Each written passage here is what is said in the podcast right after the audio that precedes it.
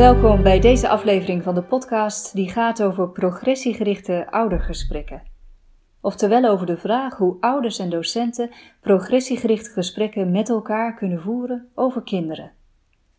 Mijn naam is Gwenda Sloent-Bodien en Koert Visser en ik hebben samen de progressiegerichte aanpak ontwikkeld. Niet alle docenten en alle ouders hebben even positieve ervaringen met oudergesprekken. Ouders kunnen zich aangevallen voelen en op willen komen voor hun kind als de docent kritiek heeft op hun kind. En andersom geldt het ook. Docenten kunnen zich persoonlijk bekritiseerd voelen door ouders. Een bijzonder kenmerk van oudergesprekken is dat die over het algemeen kort duren, zo'n 10 tot 15 minuten. Hoe kunnen ouders en docenten die korte tijd progressiegericht aanpakken?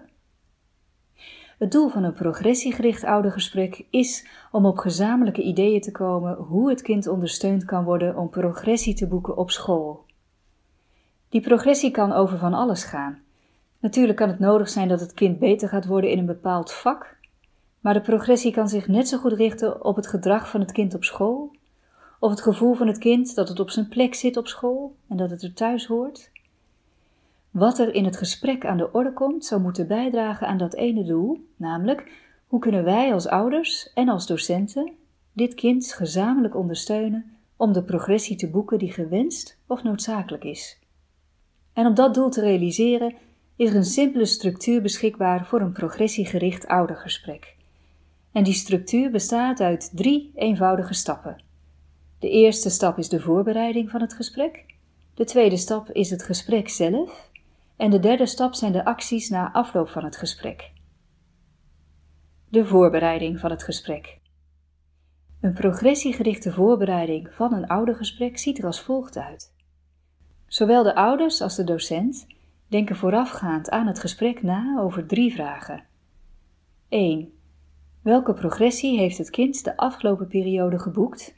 2. Welke progressie is belangrijk voor het kind om de komende periode te gaan boeken? En drie, wat zou er in het oude gesprek aan de orde moeten komen, wil het een nuttige tijdsbesteding zijn? En het is daarbij belangrijk om het te beperken tot één onderwerp. Deze voorbereiding hoeft niet langer te duren dan wanneer het geval zou zijn wanneer de docent alleen de cijfers van het kind of de CITO-score van het kind zou bekijken. En dit type voorbereiding leidt tot een doelgericht gesprek. Een voorbeeld. Stel dat de ouders van Ruud gaan praten met de mentor van Ruud. Het botert niet tussen Ruud en zijn docent Engels. En Ruud komt vaak mopperend thuis als hij weer les heeft gehad van meneer Johnson. Hoe kunnen de ouders dit onderwerp zo formuleren dat het gesprek erover nuttig wordt? Een negatieve formulering zou als volgt klinken: Wij willen bespreken dat het niet goed loopt met Engels. Een beschuldigende formulering zou zo klinken: Wij hebben een klacht over meneer Johnson. Een vage formulering zou zo klinken: Ruud voelt zich niet zo fijn in de Engelse les. Een progressiegerichte formulering van dit onderwerp zou positief, concreet en doelgericht zijn. Dat zou bijvoorbeeld als volgt kunnen klinken: Wij willen graag dat het beter gaat lopen voor Ruud in de Engelse les. En we zouden in dit gesprek graag ideeën bespreken hoe wij Ruud hier samen in kunnen ondersteunen. Een ander voorbeeld. Stel dat de mentor wil bespreken dat Ruud niet goed meedoet in de biologielessen en dat hij zijn werkstukken niet op tijd af heeft. Hoe zou hij dit onderwerp dan zo kunnen formuleren dat een gesprek erover nuttig wordt? Een negatieve formulering zou zijn: Het loopt voor geen meter met biologie. Een beschuldigende formulering zou zijn: Ruud gooit er met de pet naar bij biologie. En een vage formulering zou zijn: Ik heb het gevoel dat Ruud niet lekker in zijn vel zit. Misschien is biologie niet echt zijn talent. Een progressiegerichte formulering van dit onderwerp zou positief, concreet en doelgericht zijn. Dat kan bijvoorbeeld zo klinken. Het is belangrijk dat Ruud zijn biologieopdrachten tijdig en goed gaat inleveren en ik zou graag met jullie bespreken wat wij samen kunnen doen, zodat Ruud het belang daarvan gaat begrijpen en actief aan de slag gaat met biologie. Door deze progressiegerichte formuleringen wordt het voor zowel de docent of de mentor als voor de ouders veel beter mogelijk om zich te richten op de verbetering van de situatie, in plaats van te verzanden in de schuldvraag en in de verwijtmodus. Stap 2 is het gesprek zelf. Bij de start van het gesprek vertellen de docent en de ouders in één minuut aan elkaar wat ze aan de orde willen hebben, zodat het een nuttig gesprek voor ze is. Op deze manier krijg je dus maximaal twee onderwerpen voor het gesprek. En dat geeft focus aan het gesprek, een focus op nut. Daarna vertellen eerst de ouders welke progressie ze de afgelopen periode hebben gemerkt bij hun kind en ook welke progressie zij belangrijk vinden dat hun kind verder gaat bereiken. En daarna doet de docent hetzelfde. De bedoeling in deze fase van het gesprek is dat de verschillende invalshoeken van de docent en de ouders beschikbaar komen, zonder dat er discussie wordt gevoerd. En dit onderdeel duurt maximaal vier minuten. De docent en de ouders mogen elkaar natuurlijk wel vragen stellen in deze fase. En die vragen zijn dan bedoeld om een levendig beeld te krijgen van de bereikte en de te bereiken progressie vanuit het perspectief van de ouders en het perspectief van de docent. Vragen die hierbij kunnen helpen zijn bijvoorbeeld: waaraan merk je dat het kind die progressie heeft geboekt de afgelopen periode?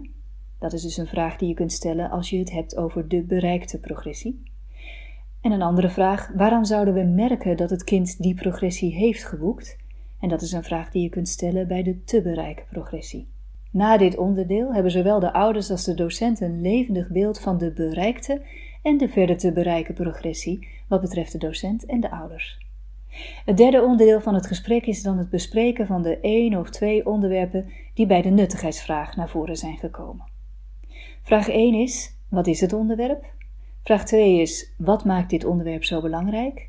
En vraag 3 is: hoe kunnen wij in onze verschillende rollen het kind rondom dit onderwerp helpen om progressie te boeken? En dit onderdeel van het gesprek duurt 5 minuten. En tenslotte wordt het gesprek dan afgerond met de nuttigheidsvraag. En die luidt: Was dit gesprek nuttig voor ons?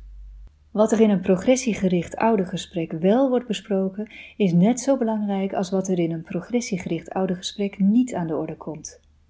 Wat er niet aan de orde komt in een progressiegericht oudergesprek is een diagnose en een analyse van de problemen bij het kind, waarom het kind bepaalde dingen niet doet, waarom het kind niet gemotiveerd is, wat er fout gaat bij het kind en waarom het kind het op die manier doet. En ook wat er fout gaat op school en waarom dat fout gaat op school en wat er mis is op school. Al dat soort besprekingen en analyses van problemen leidt eerder tot stagnatie en beschuldigingen over en weer dan tot progressie. In plaats hiervan gaat de aandacht volledig uit naar wat is er al bereikt bij het kind en wat is er belangrijk om verder te bereiken en hoe kunnen wij in onze verschillende rollen het kind ondersteunen om die gewenste of noodzakelijke progressie te gaan boeken. En de derde stap vindt natuurlijk plaats na afloop van het gesprek, want dan gaan de docent en de ouders die dingen doen die het kind helpen en ondersteunen om de progressie te boeken die gewenst is. In deze fase kan het nuttig zijn om progressiegericht te gaan sturen of progressiegericht te gaan helpen. Op deze site of in de podcast Progressiegericht helpen met de zeven stappen aanpak en progressiegericht sturen kun je op ideeën komen over hoe je dat kunt doen. Als je docent of ouder bent en je hebt binnenkort weer een oudergesprek, probeer deze structuur dan eens uit. Ik zou het heel interessant en leuk vinden om je ervaringen na afloop te horen. Meer lezen kan in onze boeken en meer leren kan in onze trainingen. Kijk maar op www.cpw.nu.